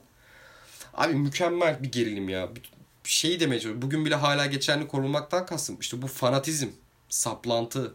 Hani bunun peşinde bir insanın neler yapabileceğini çok iyi gösteriyor ya. Yani bugün bile hala örneklerini görüyoruz yani. Gerek siyasette gerek herhangi bir şeyde. Yani bir takım bir takım tutmaktan tutun bir yönetmen sevmeye kadar. Bugün bile sinema eleştirenleri ya da film Twitter denilen karakterlerin bir yönetmen, bir oyuncu ya da bilmem ne arkasından neler yaptığını görebiliyoruz hepimiz. Hani bu duyguyu çok güzel işlemiş bir filmdir Misery. Misery. Doğru, şeye, bence günümüzde de evet şeye referans veriyor. Artık bu saplantı meselesi e, ve bu saplantının üzerinden e, geliştirilen e, büyük bir aşk ya da nefret şeyi yani e, geçen yine bir yerde dinlemiştim. E, yani herkes artık o kadar bir şeye siyah ya da beyaz bakıyor ki yani işin o aradaki kısmı tamamen unutulmuş durumda. Herkes her şeyi saplantı haline getirmiş durumda gibi bir garip bir postürü çağdan geçiyoruz. Bu insanı çok yoruyor bazen. Yani bazen şey diyesim falan geliyor benim bir şey hakkında tamam? Hepimiz bir şeylere sinirleniyoruz ama özellikle bu e, bazen şeyi falan dinliyorum abi. İşte spor üzerine podcastleri, futbol üzerine falan. Altta bir yorumlar böyle işte ya özellikle bu Mesut Özil transferinde falan da görüşüyoruz. Of evet ya. ya üç gün. Kafayı yemiş. Gerçekten gün. kafayı yemiş gibi. Ya geldi okey hayırlı olsun falan biri diyor ki nasıl bundan bahsetmezsiniz bilmem ne. Öteki diyor ki bir şey bir şey diyor. Ee, arkadaşlar siz kafayı mı yediniz ya? Herkesin gündemi aynı şey olmak zorunda mı? Mesut Özil'e örnek verdim. Başka bir şey de olabilir bu. Yani bir şeyi herkes sevmek zorunda değil ya. Bu hani 2020 yılında bunları konuşmamamız gereken yerlerde en büyük gündemlerimizin bu olması da çok garip bir noktaya gitti bence iş yani. Ben şeyi gördüm abi o gündemde. Bak bu anlayamayacağım bir sevgi. Bir şey diyeyim bak bunu eleştirmeyeceğim. Şey. E, uçağı izlemişler online böyle. Nereden edildi yani evet, böyle evet, bir sevgi. Bak. Uçağı izliyor. Buna fanatizm diyemem. Bak bu çok sevmektir bilmem nedir. Okey. Bu böyle insanlar da gördüm çünkü sen böyle sev abi. Sen çünkü bunu kendi başına yapıyorsun anladın mı? Bu sevginin kendi kimseye zararın yok bilmem ne yok. Ama bazılarını gördüm. İşte senin dediğin o tartışmaya ben de denk geldim. Siz bunu nasıl haber etmezsiniz bilmem ne yapmazsınız. Siz FETÖ'cü müsünüz? Abi abar o kadar da değil. Hani istiyorsunuz ki herkes sussun ve sadece bunu konuşalım. Böyle evde bile yani karımıza bile kulağına bunu fısıldayalım falan. Yani bu, bu, bu, işte bu fanatizm. Bu fanatizm çok kötü yanı hem de yani. Çünkü başkalarına sıçrıyor. Başkalarına sirayet etmek istiyor bu. O kadar da değil abi abartmayın yani. Doğru. Bu, bu arada dediğin gibi Mesut Özil olayı üzerinden aslında bütün konular üzerine şey yapabiliriz yani. Ya, uyarlanabilir yani. Sinemada da çok oluyor ya. Yani yani sinemada da bir sürü ne denir ona ee, biri bir filmi sevdi diye o ona küfür ediyor ya da biri bir filmi diziyi beğenmedi diye o ona küfür ediyor o ona işte bir şeyler ya abi film alt üstü ya da dizi altı üstü nihayetinde. Ya izlersin, beğenirsin, beğenmezsin, üzerine düşünürsün, düşünmezsin, konuşursun, konuşmasın bu kadar ya. Hani şey hatırlamıyor musun ya? Dizi podcast yaptık da ilk 10 listemizi almadık diye millet Kurtlar Vadisi nasıl koymazsınız? Bunlar kim köpeke kadar geldi konu abi. Kardeşim koymuyorum Kurtlar Vadisi. Ben, ben beğen bu kadar yani anladın mı? Ne bunu niye niye şey yapıyorsun değil mi? Ben seni kadar sevmemiş olabilirim. Sen de Kurtlar Vadisi podcast'i aç öv sabaha kadar. Bizi de hatta konuk et karşılıklı konuşalım diyeceğim ama ben kurşun yemekten korkuyorum bu insanlardan Doğru. Okey güzel bir örnekti bence. Ee, mesela gözüme çok detaylı bahsetmeyeceğim ama gözüme çarpan bir iki film söyleyeyim abi sana. Ee, biraz önce sana demiştim ya o dönemde ikilemeler çok şey diye Die Hard örneğini vermiştim mesela hı hı. ikinci filmi. İşte o Tremors'ta da yeraltı canavarlarında da aynı denklem vardı. Mesela onun kralı var Tango ve Cash abi. Of. Back to the Future'da da vardı bu arada ikili. Gelmişsin. Ha? Back to the Future'da da var mesela ikili dediğim Tabii gibi. Back to the Future'da da bir ikililik var. İşte Los Angeles Polis Departmanı'nın narkotik polisleri. Ray Tango ve Gabriel Cash. İşte biri Sylvester Stallone, diğeri Kurt Russell. Tam böyle direkt o dönemin ruhu, o dönemin o ikilemi, ikilemi o ortaklık üzerinden bir film o abi gözüme çarptı. O tam şeydir şey... böyle abi. Biz Geleceğe Dönüş'ün hayranıyken babalarımız o dönem bu filmi anla konuşurdu ertesi gün hani. Anlatabildim tabii, mi? Biraz görece kitle olarak da daha böyle babaların sevdiği bir, bir tarz bir filmdir. Doğru şey e, mesela e, izlemiş. Bu da bir sürü dizide filmde mesela Hawaii Meteor Mother'da falan da, da çok referansı geçer. Field of Dreams vardır bilir misin? Düşler tarlası diye. Onun üzerine Hawaii Meteor'da da ağlamışlar değil mi? Doğru hatırlıyorum. Aynen o da işte o Chicago White Sox'ın abi e, hayaletlerinin de ta, bir tarlada gözü, gözükmesi sonucu işte e, o, o mısır tarlasının beyzbol sahasında çevrilmesi falan gibi böyle bir, e, e, bir sürü daha sonraki çekilen filmde de hep bu, bu filmin duygusallığı üzerine bir referans vardır. Bir de beyzbol özellikle Amerikalılar için çok önemli bir spordur ya. Aha. Onun da etkisi çok fazladır abi. O gözüme çarptı. Ee, biraz hep şimdi ana akım konuştuk. Aslında 7. kıtası vardır Haneke'nin. inanılmaz bir filmdir. Tavsiye ederim. Tüm bu bahsettiğimiz filmlerden daha e, şey olarak farklı olarak Haneke'nin bu şehir üçlemesinin ikinci filmi. E, yine çekirdek aile üzerinden bu işte e, modern toplumun, modern şehrin eleştirisi ve Haneke'nin gelmiş geçmiş en iyi filmlerinden biri bana kalırsa. Onu tavsiye ederim. Bir dönem abi yine 89 yapımı olan herkesi hüngür şakır ağlatan Daniel Day-Lewis de galiba Oscar almıştı. E, Solaya, My Left Foot.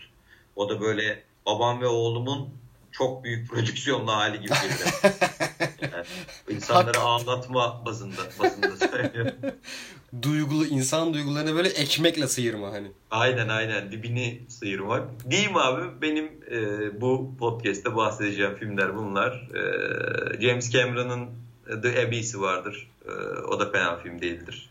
E, onu, da, onu da tavsiye ederim. İstiyorsan 3-5 tane de sen söyle sonra ufak ufak kapatalım abi. Ben şeyi söylemek istiyorum. Eee Koyan kardeşinin podcastinde de konuşmuştuk aslında. Koyan kardeşlerin podcastinde derken hani Koyan kardeşleri konuştuğumuz podcast'te. Sanki onları konuk olmuşuz gibi oldu. Koyan kardeşlerin podcastine gitmiştik. evet. Biz Türkçe anlamadıkları için dağıldık olaysız diye. İlk filmleri Miller's Crossing. Yani Koyan daha tam yani Coen'lerin daha tarzının da oturmadığı ama bu bahsettiğimiz mafya suç e, dramalarının yine e, en iyi örneklerinden birini ortaya koyup biraz biraz kendi isimlerini duyurdukları bir film aslında. Ya ben de izlemediyseniz ya çünkü Coen'lerin birçok filmi şu an daha popüler Miller's Crossing'e nazaran.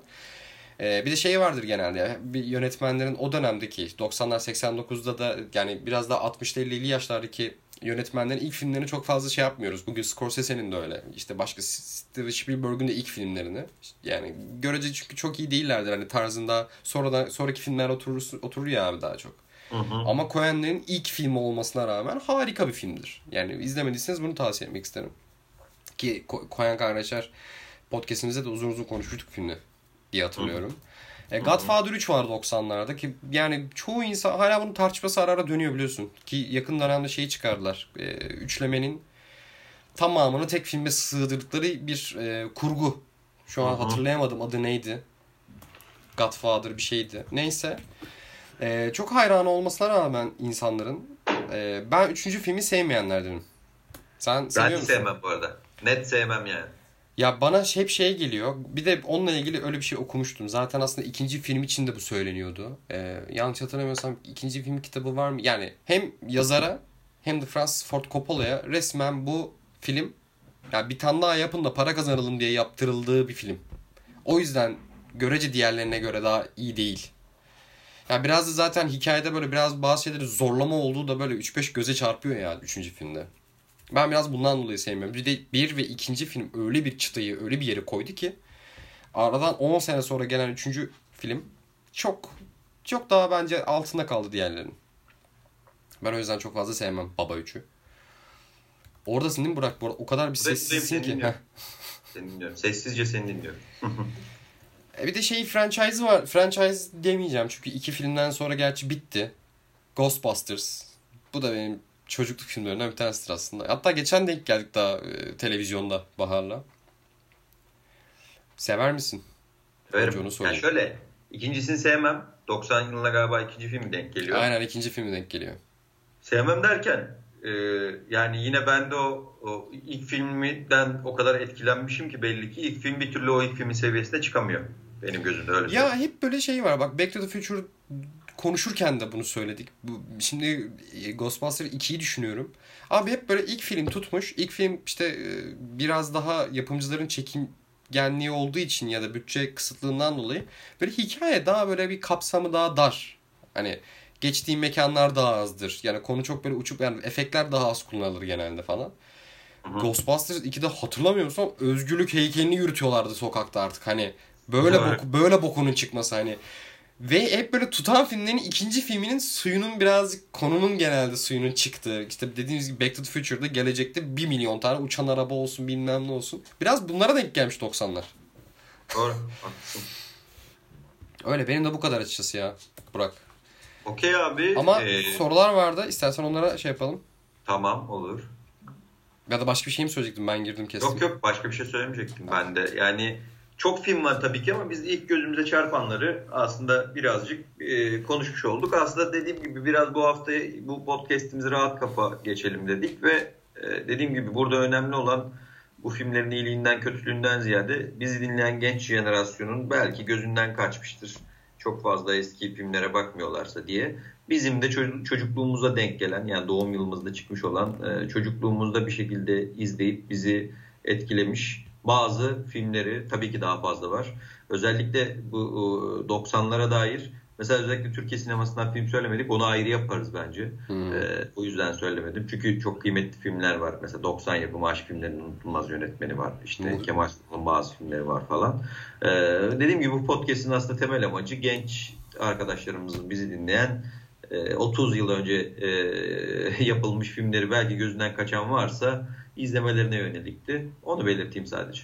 Aynen. Bir de zaten bu hafta biraz Burak'ın dediği gibi biraz da hani kendi hayatlarımızda da böyle biraz yoğun olduğu için biraz soft geçelim dedik. Biz sosyal medyada çıkan bu akım diyeceğim ben de senin gibi. Hani bunu birazcık alalım hem de baktık güzel filmler var aslında konuşabiliriz edebiliriz diye. Hani bir de bu podcast olacak ama biz bir sonraki yine yayınımıza ya buraya kadar dinlediyseniz zaten yine bir Twitch devam ederiz. Daha orada canlı herkesle beraber konuşabiliyoruz. Daha iyi oluyor zaten. Yani ikisinde güzel tarafları var. Evet. O zaman geçiyorum abi. Şafak kardeşimiz sormuş. Bütün soruları da hep böyle başlıyorum. Şafak kardeşimiz sormuş diye. Sağ olsun Şafak. Evet. Olmasa podcast yapamıyorum. Herkese selamlar. Umarım çok iyisinizdir demiş. Sorum şu dönemin blockbusterlarını enine boyuna konuşur musunuz? Şimdiden ağzınıza emeğinize sağlık. Ya aslında bahsettiğimiz filmlerin çoğu blockbuster evet. olarak geçiyor. Ya hepsi blockbuster neredeyse. Dün de Burak'la bu Clubhouse uygulamasında böyle ayaküstü böyle bir konuştuk. Ee, o dönemler bu 89-97 70'lerden sonraki dönem zaten bu işte DVD player'ların VHS'ler ve DVD player'ların Blu-ray'lerin falan hayatımıza girdiği dönemler. Blockbuster'da aslında bu DVD dünyasını yani retail diyeceğim olmayacak. O mağazaları temsil eden hatta galiba direkt Blockbuster isim. Hı hı. Yanlış hatırlamıyorsam. Şu an kapandı gerçi ama. Hı hı. Aynen öyle. Bir yerden sonra bu film üretimini de etkiliyor bu arada. Hani daha çok tekrar tekrar izlenebilir filmler. Bahsettiğimiz filmlerin hepsi öyle. Hatta podcast'ın başına demiştim hani ulan şu an 2018'de çok sevdiğimiz, çok konuştuğumuz film var ama 2010, o işte 2019'da 2020'de ne kadar yüzüne baktık. Çok belki bakmamış olabiliriz ama bugün saydığımız filmleri tekrar tekrar izledik. Ya bunların öyle bir büyüsü var. Öyle bir denklemi var. Hani artık bu yönetmenin vizyonu mu, yapımcıların vizyonu mu, kimin zekası bilmiyorum ama hakikaten 89-90 ya da 90'ları da kapsayacağım. Genel ortak özellikleri hakikaten tekrar tekrar izlenebilirliği. Ama yine başta da söylediğim gibi bu filmin iyi olduğunun bir şeyi değil. Kıstası değil. Ya ama bir garip bir etkeni yani. Velhasıl yani blockbusterlarla ilgili işte 90'lar yaparsak Şafak kardeşim hani orada daha uzun uzun bence konuşabiliriz çünkü o bambaşka bir kültür. Öyle. Var mı ekleyeceğim? Yok haklısın. Ben katılıyorum yani. Ben yorgunum abi biraz bugün. Ben de yoruldum ya. Yok zaten sorulardayız. İnşallah yani bazen gerçekten şöyle gözüm falan dalıyor. Yok yok benim de öyle inan. Bir de odaya kapattım kendim çok sıcak. Merhabalar. Işıtan Günay kardeşimiz sormuş. Merhaba yayınlar. 90'lı yıllardan günümüz hikaye anlatıcılığı tarz olarak nasıl değişti? Sizce veya değişti mi? İnsanların 90'lara kıyasla misli misli görsel, işitsel medya ile iç içe olması sinema sektörünü sizce nasıl değiştirmiştir? Nasıl değiştirecek? Son bir soru Bence daha... şöyle... Hı, buyur abi. Hadi, o var mıydı? Pardon özür dilerim. Son bir soru daha sormak isterim. 90'lı yıllardan bir tane çocukken, bir tane gençken, bir tane yetişkinken izlenmesi gereken film tavsiyeniz var mıdır? Ulan keşke yayın başında söyleseymişiz. Çünkü... Hı. Şöyle söyleyeyim abi. Bence e, zaten değişti. Ee, hani değişip nasıl değiştirecek. Değişti zaten. Ee, bizim çok fazla görsel ve işitsel medya ile iç içe olmamız tamamen sektörü değiştirdi hatta. Dün de aslında birazcık Clubhouse muhabbetinde biraz bunu konuşmuştuk. 90'lı ee, hikaye anlatıcılığı tarzı olarak nasıl değişti dersen bence şöyle bak konuştuğumuz şeylere bak hep aslında yani insana dair çok fazla bir hikaye yok bence. İnsana dair derken şuna insanın bu benliğine dair daha o psikolojik sularda yüzen hikayeler çok fazla yok bu konuştuğumuz filmlerin arasında. Tabii ki vardır. Yani illaki o dönemde çekilen ama bizim bu konuştuğumuz filmlerde hep böyle büyük bir tatavası meselesi olan yani e, olaylar var. Daha böyle bilim kurguya yakın ya da işte daha dediğim gibi iki kişinin ortaklığı üzerinden, iki karakterin ortaklığı üzerinden dönen bir anlatı var. Ama özellikle günümüzde artık insanın o benliğiyle alakalı, insanın e, sorunlarıyla alakalı, kendisiyle varoluşsal meseleler çok daha fazla anlatılıyor. Bence an, anlatım tarzı olarak. Ya daha böyle o ikili ortaklıktan ziyade daha bireysel meseleler anlatılıyor. Aslında böyle söyleyebilirim. Ben hikaye anlatıcılığından şöyle bir e, şey söylemek istiyorum hikaye anlatıcılığını değiş tarz olarak şöyle değişti bence. E, bugün nasıl ki Hollywood sinemasının biraz kısırlaştığını artık hikaye olarak yani anlatıcı hikayelerin olmadığını söylüyorsak biraz sanki o dönem e, bunu imare, emarelerini görmeye başladık gibi. Çünkü e, şu an gerçi bugünkü bahsettiğimiz filmleri biraz daha kenara koyuyorum ama çoğu gerçi yine var yine bahsettiğimiz filmler arasında ama şunu diyecektim. Anlattığın hikayenin şey değil, iskeleti değil ya da anlattığın hikaye ne kadar iyi olduğu değil. Kurgu. Yalnızca kurgu. Mesela 90'larda çok fazla vardır Amerikan sinemasından çıkan pilot twistli hikayeler. Hani hikayeyi biraz daha pilot twist katayım, başa götüreyim, sonra götüreyim işte Total Recall örneği olduğu gibi. Daha aslında bugün Nolan'ın yaptığını 90'lardaki birçok yönetmen yapıyordu ve aslında biraz da böyle satıyorlardı bu filmleri. Yani hikayenin kendisi değil, e, kurgunun hani bütün pik noktalarının, bütün işte climax'in sona bırakıldığı bu işte bizim ters köşe dediğimiz plot twistli filmlerin çok fazla olması ya da işte Total Recall gibi Jacob Slater gibi neyin gerçek neyin şey hani biraz artık bu kurgu oyunlarına çok fazla başvurdu 90 yıllardaki filmler. Hani bu birazcık tabii ki de anlattığın hikayenin çok iyi değil de nasıl anlattığını hani biraz daha storytelling'e çok fazla kaydı. Ha iyi yanları da var bu arada. Çok ilgi iyi kurgular öğrendik hepimiz. Yani bugün de Nolan'ın yaptığını bu kadar çok büyülenmememizin sebebi aslında birazcık bu. 90'lık filmler o kadar çok farklı şeyler denediler ki bugün Total Recall örneğinde olduğu gibi yani hala yani o kurguyu geçebilme hala ya yok yani. Öyle diyeyim. Ee, işte bugün de bence hikaye hani hikaye değil de hikayeyi nasıl anlattığınla alakalı bir kurgu geliştirdiler. Ya bugün artık onu da yapamıyorlar ne yazık ki. Anlatacak hikayeleri zaten bitti. Artık yani Nolan'ın bile Tenet'te de konuştuk yani. O, o da artık yemiyor. Bu kadar diyalektik, sonu başı belli olmayan bu kurgular da yetmiyor. Bir sonraki storytelling'de bizi ne kadar farklı bir şey bekliyor bilemiyorum. Hani işte görece artık Lantimoslar falan yani hikayeyi daha böyle grotesk tarafa çekenler büyük ihtimalle e, başı çekecek artık ama göreceğiz. 90'lardan evet. bugüne bağladım. Burak yorgun. Burak'ın kafasını ütüledim şu an. yok ya yok estağfurullah ne demek canım dinliyorum da katıldım zaten yani. Ee, şey e, ikinci soruda da 90'lı çocukken bir tane gençken bir tane yetişken. Yetişkinken. Tamam. Çocukken Indiana Jones yani 90'lı yıllar değil de bu bahsettiğimiz filmlerin arasından seçiyorum. Hani onu başta söyleyeyim. Ee, çocukken Indiana Jones abi. Ee, gençlikte e, Back to the Future diyorum. Ee, yetişkinlikte de Sex, Lies and Videotape diyorum.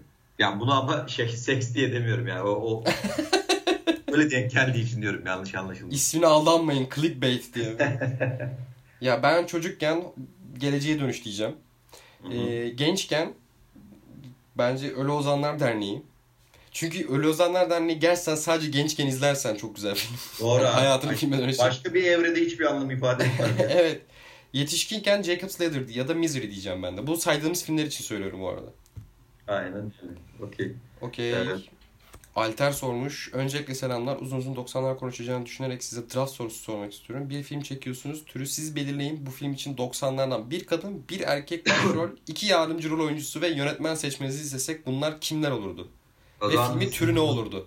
Hızlıca seçiyorum. 90'lar olduğu için bilim kurgu çekeyim abi. Ben de çok isterdim. Abi. Biz yapımcı olduk burada aslında. 90 bilim kurgu olsun. Ee, kadın Sharon Stone olsun. Kadın oyuncu başrol. Erkek oyuncu e, Kurt Russell olsun başrol. Yardımcı kadın oyuncu Nicole Kidman olsun. Onun da gençliği. Yok Nicole Kidman yaşı kurtarıyor mu ya? Kurtarıyor. Yanlış şey söylemeyelim şimdi. Kurtarıyor kurtarıyor. Kurtarıyor değil mi? Niye 90 o... doğumluymuş gibi düşündün kadını ya. Tabii ki de. Birden ne bileyim abi çok genç gösteriyor ya. Yardımcı erkek oyuncu da kim olsun abi? Ee, şey olsun. Bizim Die Hard'daki abinin adı neydi? Şey mi Bruce Willis? Ha, Bruce Willis yardım, başrolde olmasın ama yardımcı erkekte olsun. Öyle söyleyeyim. Yönetmen de Paul Verhoeven olsun. Güzel. Konuyu bilmiyorum ama. Konuyu da o bulsun. Ben parayı verdim çeksinler yani. Güzel. ben suç filmi isterdim abi.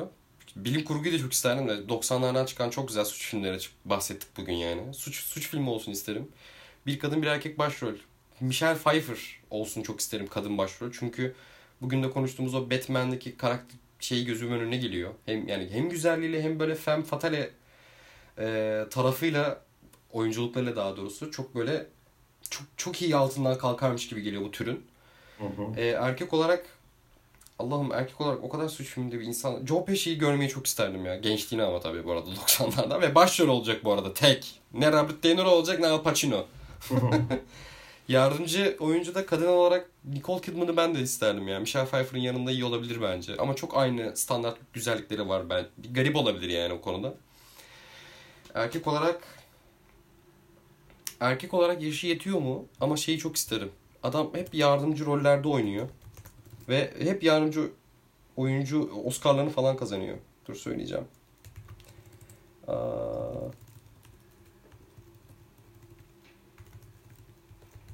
Three Billboards'taki abinin adı neydi? Hatırlıyor musun? Woody Harrelson değil de şey. Sam Rockwell. Heh. Ha Sam Rockwell diyorsun okey. Sam Rockwell'i yardımcı oyuncu ve kötü adam olarak hayal ediyorum. Çünkü bunu gerçekten hakkını çok güzel veren bir oyuncu. Belki de böyle olurdu. Ben suç filmini daha çok isterim.